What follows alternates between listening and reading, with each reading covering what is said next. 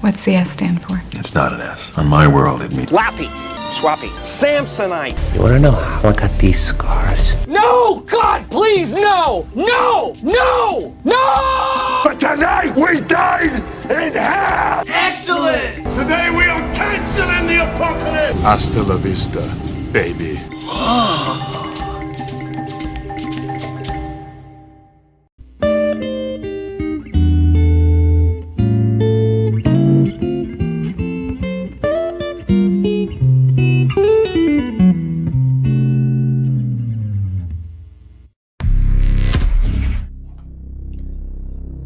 Hey, hey. Selamat bergabung kembali di channel BB69. Sobat BB69, apa kabar kalian semua nih? Wah, udah lama nih kita nggak jumpa ya. Nah, sekarang nih kita sudah kedatangan seorang teman kongko BB69 yang sudah lama juga saya nggak jumpa nih. Ada Bre Alfian. Apa kabar Bre? Halo, halo semuanya. Apa kabar? Baik, baik. Alhamdulillah baik. Sehat terus, ngonten terus. Amin. Semangat, semangat, semangat terus pokoknya. Harus semangat ya. Terakhir kita ketemu di KKN kalau nggak salah ya. KKN Dr. Strange ya, kalau nggak salah ya. Mm-mm, KKN aku nari-nari. Ya, aku nari-nari. Nah, udah udah ada bakatnya. Kalau yang sebelumnya itu robek-robek baju, kemudian nari-nari, kita nggak tahu apakah hari ini kita membahas horor lagi nih. Kita nggak tahu apa apa yang akan terjadi ya. Apakah dia akan menunjukkan sesuatu? Nah, tetap Oh. nonton. Gimana Bre? Sampai akhir ya. Tetap Nonton nonton sampai akhir akhir karena kalian tidak tahu kapan Bre akan memberikan show-nya yang terkemuka tersebut. Oke oke oke. Loh, Bre, jangan tegang, Bre. Sesuai dengan latihan aja, Bre. Sesuai dengan Oh, latihan ya. tadi kita. Oke. Siap. Siap, siap, siap. Hari ini kita akan membahas sebuah film baru nih. Nah, karya dari Eskil Vogt ya, namanya dari Eskil Vogt. Nah, ini film Mm-mm. berasal dari Norwegia. Judulnya adalah The. Slutt, mamma.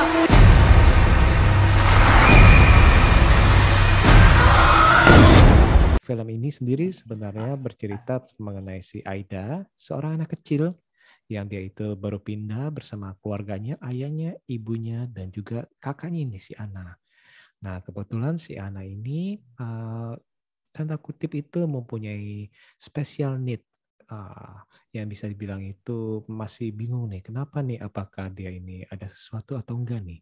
Nah, eh, dan di apartemen barunya mereka itu ternyata itu bertemu dan istilahnya bergaul dengan uh, tentunya dengan a- anak-anak lainnya yang baru nih dan perlahan-lahan ternyata itu mereka uh, kenal dengan satu orang anak yang mempunyai kekuatan untuk menggerakkan benda atau telekinesis ya. Nah, tapi ternyata itu Yap, yap. yang awalnya itu dari senang-senang, gerakin ini, gerakin batu segala macam, Mm. tapi makin kemari makin Mm-mm. ada sedikit kekerasan Waduh, demi mulai. kekerasan istilahnya. Nah, Aduh. nah kira-kira nih apa yang terjadi nih? Oke. Nah, Bre, waktu itu nih pas waktu pertama kali mau nonton film ini gimana nih? Aduh, jujur pas mau nonton film ini eh, memang nggak lihat trailernya dulu, nggak baca sinopsisnya dulu, jadi ya langsung aja pure kosongan gitu nonton. Pure Dan kosongan. i- Oke. Mm-mm, kosong gitu, empty aja nonton gitu. Apa sih ini filmnya? Gitu kan awalnya kan lihat apa ya? Aku lihat tuh di YouTube di reviewnya channel sebelah Mhm. yang kuning-kuning juga, tahu kan? Apa nih? Itulah pokoknya gitu. Oke. Channel Kan? Disebutin nggak nih? boleh aja boleh. Ah, sama Sumatran Bigfoot tuh sama Bang Abi gitu terus apa nih gitu kan ya udah penasaran aja udah aku nonton tuh itu awal-awalnya emang kayak yang tadi diomongin Mas Setiawan sih oh kayak ini tapi udah mulai masuk ke hal-hal yang mulai ih kok kayak gini sih kayak ah udah mulai nggak enak nggak jenak gitu. Kayak rasanya ini Disturbing. ah nggak disturbing gitu. Unsettling gitu rasanya kayak nggak nyaman gitu nonton film ini gitu.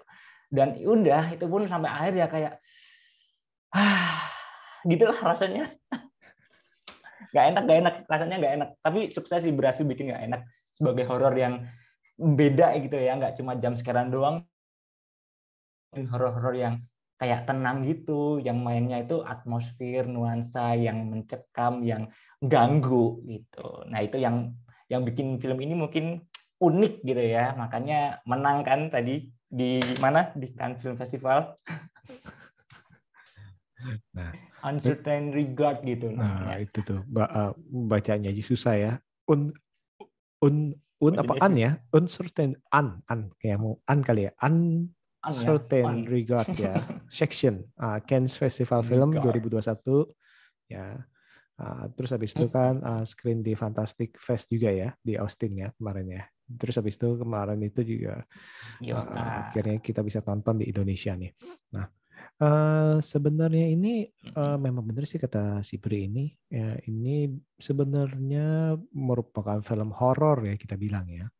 Tapi film horornya itu bukan horor yang jump scare yang jeng jeng jeng jeng atau bukan film nggak langsung nggak kayak yang Indonesia yang kebanyakan apa ya pakai mistis-mistis gitu. Enggak horornya itu beda. Horor naturalnya beda gitu. Mistisnya nggak semistis itu gitu. Mistisnya Hmm. luar negeri gitu. Terus habis itu juga apa eh, ibaratnya ini ini kalau X-Men si X-Men jadi jahat. Bener gak? Atau kayak kayak filmnya Brightburn, Superman jahat. Ya, bila Superman eh, jahat. aduh nggak tahu nggak nonton juga Oh, belum oh belum nonton. Oke, oke, sorry. Oke. Nah, ini ini belum bisa nonton aku ini kalau kalau kalau di bahasa Hmm. Indonesia apa ya? Eh, bocil dengan kekuatan super gitu ya. Gimana? Bo- Bocil labil dengan kekuatan super. apa ya? Apa bahaya bila bocil Bocah. labil? buat gampar kayak gitu Sabar, sabar bre, Emang- sabar bre, beneran jadi oke oke oke oke oke sabar bre, tenang Oh, bre. ih gregetan gitu Karena ini di sini ini ternyata ini kan eh, si Aida itu kan eh, anak kecil nih yang sebenarnya itu dia itu eh, di dalam sini nih justru dia eh, tidak punya kekuatan apa apa ya, dalam arti ya. Dan habis itu dia ketemu eh, berteman dulu Mm-mm. sama si siapa namanya Ben ya, Ben. Nah, si Ben ini juga kayaknya anak Ben anak dulu. dari imigran ya. Si Ben itu anak anak imigran, Aisyah juga anak imigran ya. Kalau di, diperlihatkan eh, dari apa eh, karakternya. Nah, si Ben ini ternyata ini punya istilahnya Hmm. punya kekuatan tadi itu telekinesis tuh. Nah, sedangkan si Aisyah itu eh, bisa eh, bisa mungkin telepati ya, telepati dan saya bahkan bisa masukin ke kepikiran orang lain juga. Nah, si Ben ini eh, merupakan seorang anak yang dari keluarga single parent sama kayak Aisyah, tapi si Ben ini bedanya ini si Ben ini eh, tidak mendapatkan kasih sayang dari sang ibu nih, bahkan sering dikasarin ya akhirnya itu. Dan dia si Ben ini juga merupakan anak yang sering dibully di tempat main karena saya tadi itu saya bilang itu dia ini kayaknya digambarkan sebagai imigran. Jadi orang-orang yang tinggal di apartemen situ eh, tentunya itu sering membuli dia nih.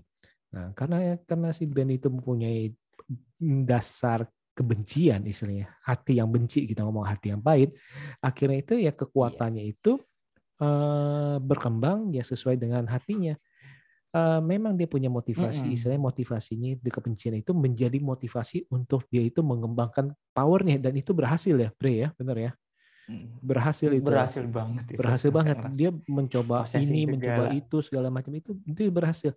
Nah, tapi ini Mm-mm. yang tadi itu disturbing itu mulai-mulai terasa itu di saat menemukan kucing kesayangan. aduh Nah, itu, itu, jangan itu ngomongin itulah ini kenapa, kenapa, kenapa, kenapa? Kok Aduh. kayak seperti kayak gelisah sekali nih. Kenapa, kenapa? masalahnya aku punya kucing sembilan di rumah aku punya Hmm. kucing sembilan jadi ketika lihat adegan itu aku langsung stop aku langsung masuk ke letterbox aku langsung nilai satu Uh, oh ya ampun ya Tuhanku. beneran beneran tapi ya udah aku kasih juga early review doang karena aku udah ih kok gituin sama kucing sih gitu karena aku cat lover Oke. juga gitu punya sembilan kucing di rumah masa lihat kucing digituin nggak nggak ngerasa apa apa sih gitu kan ngerasa, ngerasa. gitu. Tenang, tenang, tenang, ngerasa kok. tapi Nah, akhirnya ngelanjutin nonton. lanjutin lah sampai akhir tetap a- lanjut kok tetap tetap dilanjutin sampai akhir Kayak ini eh, daripada saya membahas mengenai film, ya saya akan membahas mengenai apa? Apakah ada efek eh, ini nggak psikologis untuk Bre? Ada dikit. Ah, Oh. banyak ya? dikit lah. Ada tapi tetap ada. Ada Oke. efek psikologisnya juga. Sebenarnya kalau mau dikulik lebih dalam ya kayak tadi Mas Diaman bilang, ini kayak sebuah dampak apa ya? eh, penanganan parenting juga nih sama anaknya gitu kan. Jadi kan kita udah ada- dikasih dua sisi itu, si Ben yang yang single parent orang tuanya cewek kan ibunya doang itu dia kayak ya maksudnya nggak begitu kasih sayangnya nggak tersalurkan gitu ke Ben. Jadi ketika dia punya punya Kekuatan. telekinesis, dia mengembangkan kekuatan itu, dia pun menggunakannya dengan sembarangan gitu dan kayak exploringnya itu kayak sampai berbuat hal-hal yang buat dia sendiri tuh membela diri tapi terlalu keblinger gitu sampai enggak ya namanya juga anak-anak gitu kan belum ada arahan dari orang tua gitu. Hmm. Nah yang si Aisyah sendiri itu kan Hmm. sebagai ya dia, eh, orang tuanya juga single parent tapi eh, dilihat dia dia orang tuanya juga memperhatiin gitu loh makanya dia tenang-tenang aja dia punya kekuatan telepati apalagi nih sama si Ana ya itu Hmm. kakaknya si Ida Hmm.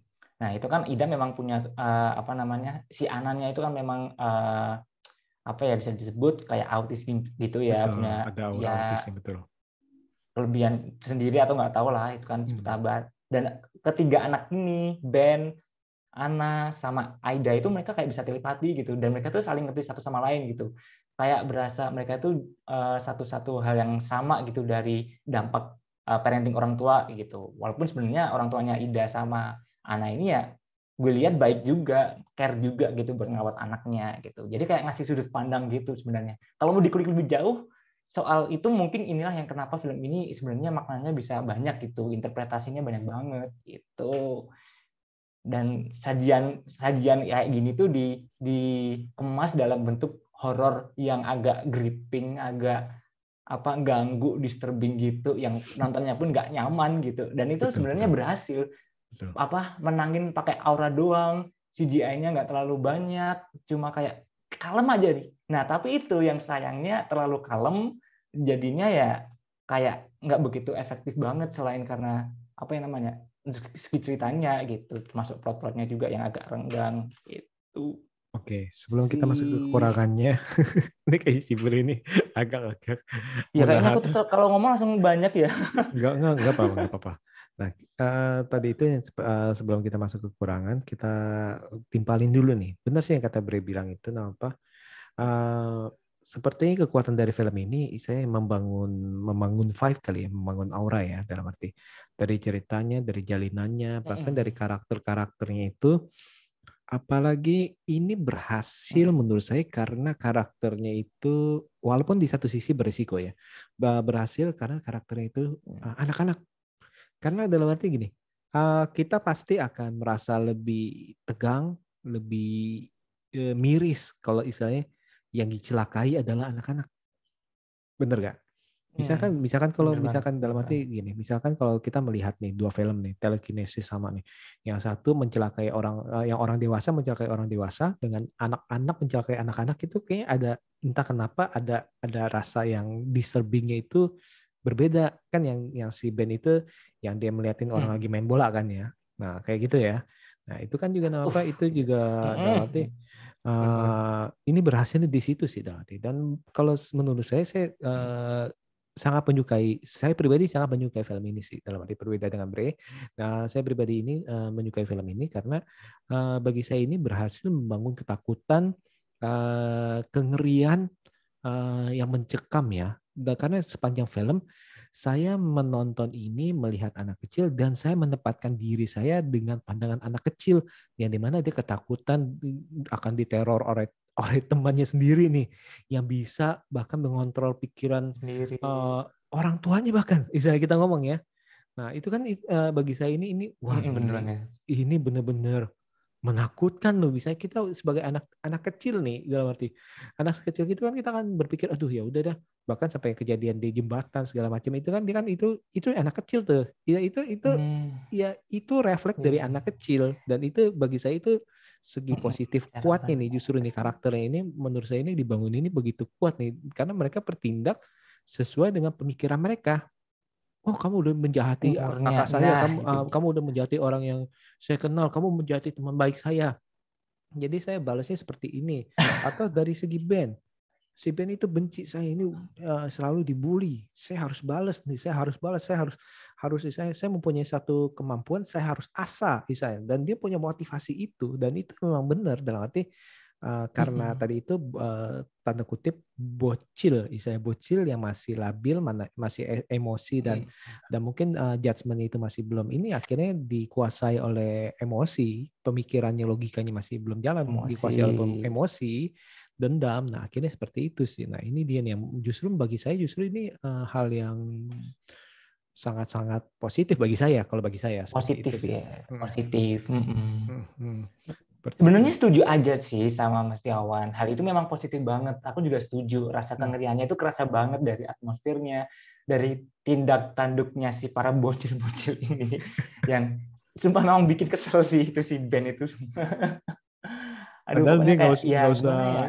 nggak usah saya nggak usah ngomong juga nyebelin tampangnya ya kalau setelah kita lihat lihat gitu ya Mm-mm, udah pengen mau gue apa-apain tapi juga anak kecil gitu. mau apa apa ya gimana lagi tapi tapi emang setuju banget efektif banget untuk horornya. Pantas aja ini apa namanya dikemas dalam balutan horor kayak gini tuh emang kerasa banget kuat banget gitu. Sebenarnya kalau di segi efektifnya itu efektif karena aku pun lihat dari adegan kucing aja aku udah langsung kayak ih kayak gini kan. Berarti sebenarnya ke diri aku itu rasa horor thrillernya psikologinya itu dapat gitu loh. Tersalurkan banget film ini. Nah sebenarnya itu hal yang positif juga aku setuju juga gitu Hmm, hmm, hmm. Oke oke. Nah sekarang ini tadi itu segi kekurangannya apa nih? Kan tadi sempat ngerem ya. Iya, iya. Nggak Oke. aku rem sih. Ya, oh iya tadi nggak Nggak nggak aku rem. nggak kerem juga sih. Udah ke udah keomong ya. Nah coba coba gimana? Nggak gimana? keren, udah ngomong duluan. Nah, kalau positifnya tadi udah dari atmosfernya, horornya dapet, horor yang beda, gitu kan. Kekurangannya mungkin bagi aku personal ya, itu karena ya bocil-bocil itu juga. Karena aku kayak, aku nggak bisa menempatkan diriku nonton ini sebagai bocil. itu jadinya ketika mereka tindak bertindak kayak gitu kayak kok gitu sih? Gitu. Padahal ya setelah tadi Mas Jaman bilang ya itu memang kelakuan para bocil ya kayak gitu. Dari ya mereka mau mak- se seberat apa sih sebanyak pikiran apa sih ya udah mereka langsung ngelakuin apa yang kayak mereka pengen langsung dini gitu. Nah itu aku yang nggak bisa nempatin. Jadi mungkin itu jadi kayak sebenarnya bisa- jadi salahku juga sih.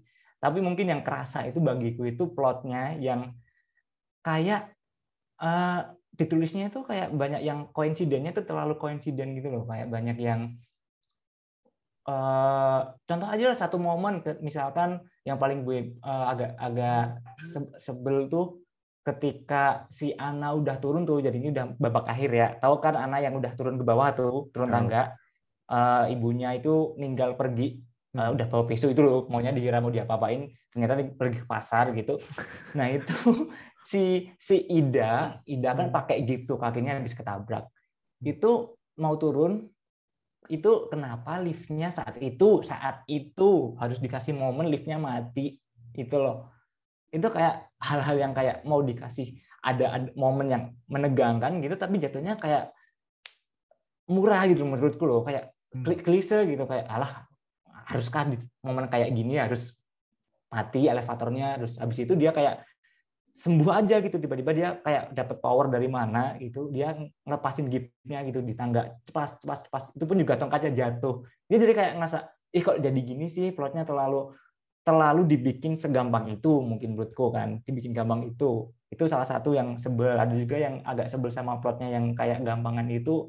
Mungkin eh, itu Ben kan bisa possessing possessing ke orang lain kan Hmm, hmm.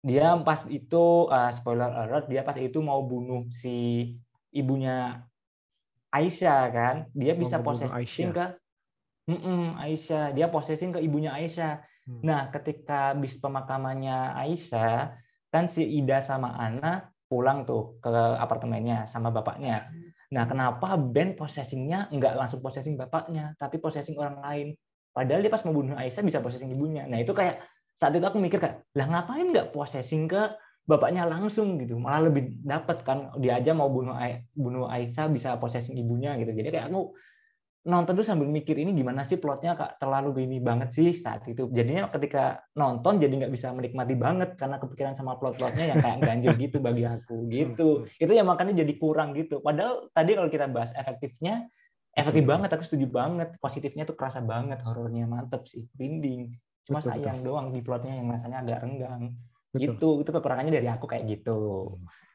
gitu. Eh, lebih renggang mana? Eh, plotnya mana? atau dengan kekasihmu? Cie, hubungan kamu dengan kekasihmu?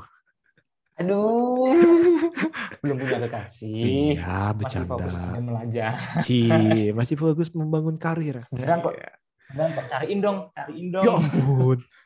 Oke, ah, sobat tapi jangan yang kayak. Ben Sobat bisiksinan, sekarang kita akan masuk ke segmen Cie, jomblo apa namanya? Jomblo apa? take me out Take me out. Take me- dia belum Oke. mencari cinta Jomblo mencari cinta. dia belum mencari cinta dengan kandidat pertama dan satu-satunya adalah Bre Alfian. Bagi mereka yang uh, tertarik silakan Tahu. hubungin ke IG-nya. Loh, apalagi nggak bercanda-bercanda.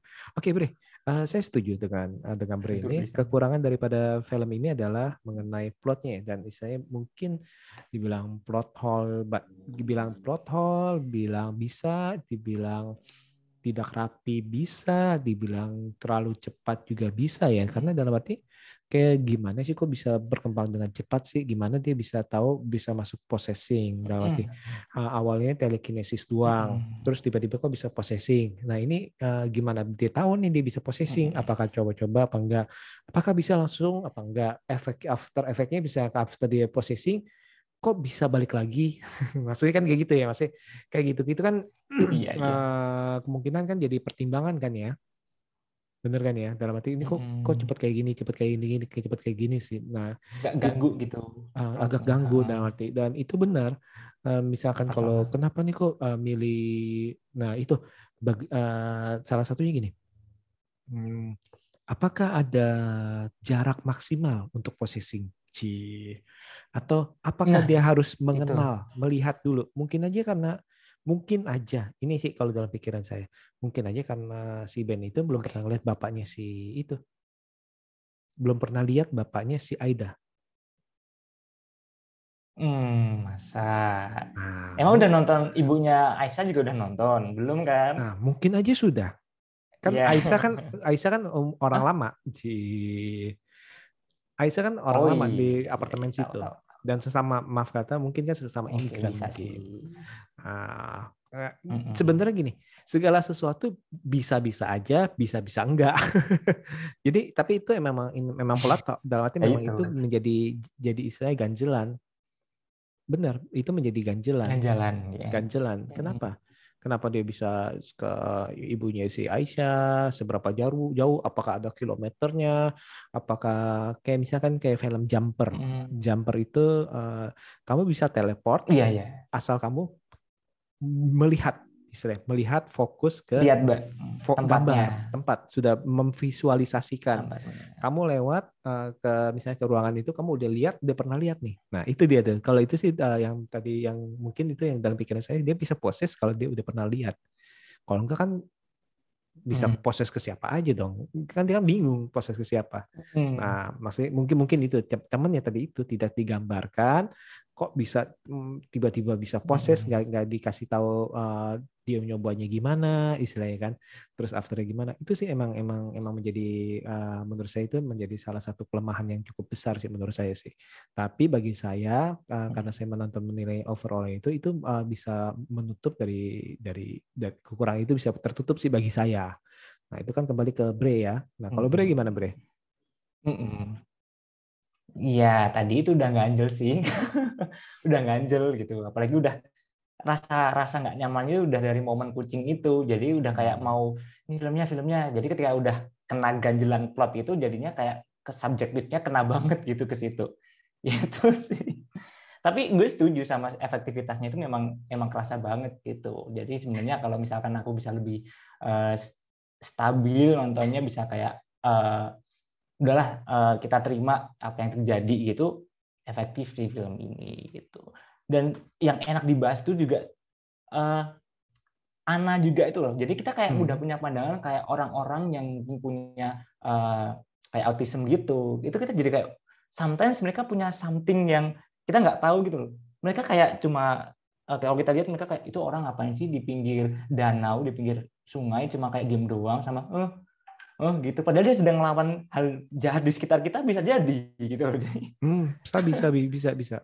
Bisa Mm, benar. kan? Jadi kita nggak tahu gitu. Karena kita nggak ngalaminnya ya. Kita yang yang eh, alhamdulillahnya normally gitu. Dikasih yang yang normal gitu. Itu kayak kita ngasih sudut pandang baru gitu. Kita juga nggak boleh seenak jidat eh, melihat yang mereka-mereka yang sedang mengalami eh, kekurangan atau kelebihan itu dengan sebelah mata gitu. Dan kita juga harus tetap apa yang namanya tetap sabar gitu. Tetap ngayomi mereka gitu. Mereka juga butuh-butuh kayak orang-orang yang mau bersama mereka. Kayak si Ana ini kan dia eh datang dia nggak bisa apa cuma kayak em em nggak ada perkembangan gitu kan. Dia ketemu sama Aisyah yang mengenal dia yang mengerti dia gitu kan. Dari telepati lah di sini metaforanya gitu kan. Apa fantasinya gitu. Science fictionnya. Tapi dari Aisyah aja yang di, mengerti dia dia ada perkembangan tuh. Dia mulai kayak bisa mulai bicara. Istilahnya eh, banyak juga sih yang di, di- di- bisa ditarik dari sini untuk nilai-nilai kehidupan itu juga bagus gitu di Innocent gitu. Itu ternyata itu mereka itu dalam dunia nyata nih dalam dunia nyata. Memang mereka pasti ada mempunyai kelebihan tertentu nih. For example ada ada mereka yang mempunyai autis tapi ternyata itu pintar dalam menggambar. Mereka mempunyai autis eh, Hmm. ternyata itu mereka itu eh, pandai bermu- bermusik dan itu dia tuh keahliannya itu itu om- eh, keahliannya itu di luar biasa menurut saya dan ini mungkin yang ingin ditonjolkan salah satunya itu di dalam film ini nah bagaimana ternyata ini itu Ya. bukan eh, dalam arti itu yang dialami oleh dia nih. Dia itu sebenarnya bisa menjudge segala sesuatu nih. Dia itu bisa melihat segala sesuatu. Dia ini sebenarnya itu bisa berpikir nih. Cuman bagi orang luar dia ini eh, berbeda. Padahal enggak saya nah. Mungkin aja mungkin aja bagi dia Mm-mm. orang luar yang berbeda. Nah mungkin kan seperti itu ya kalau di sini nih kita lihat Iya. nih. Dan ya tadi itu tapi ya sayang itu tadi itu eh, terlalu mungkin terlalu cepat kali bre ya. Gimana bre? Eh, di babak ketiganya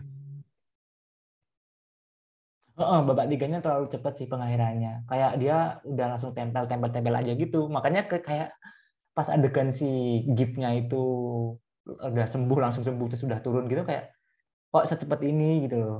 Tapi mungkin karena mungkin aja kalau misalkan filmnya terlalu panjang dari dua jaman itu mungkin juga pacingnya ini kan pacingnya juga sedikit agak lambat ya mungkin untuk setupnya dulu di awal atmosfernya di, dikenain dulu gitu jadi pas payoffnya di akhir itu eh, beberapa orang mungkin bakal bakal merasa dapat payoff-nya, tapi beberapa orang juga bakal merasa kayak payoff-nya kurang gitu. Hmm, hmm, Tapi hmm. memang agak kecepatan sih Yas, di babak tiganya. mungkin dia udah udah udah senang bermain apa sudah senang bermain bermain am, ah, bermain itu istilahnya tadi itu bermain tegang-tegangan kali ya tapi tegangnya tegangnya itu tenang banget gitu.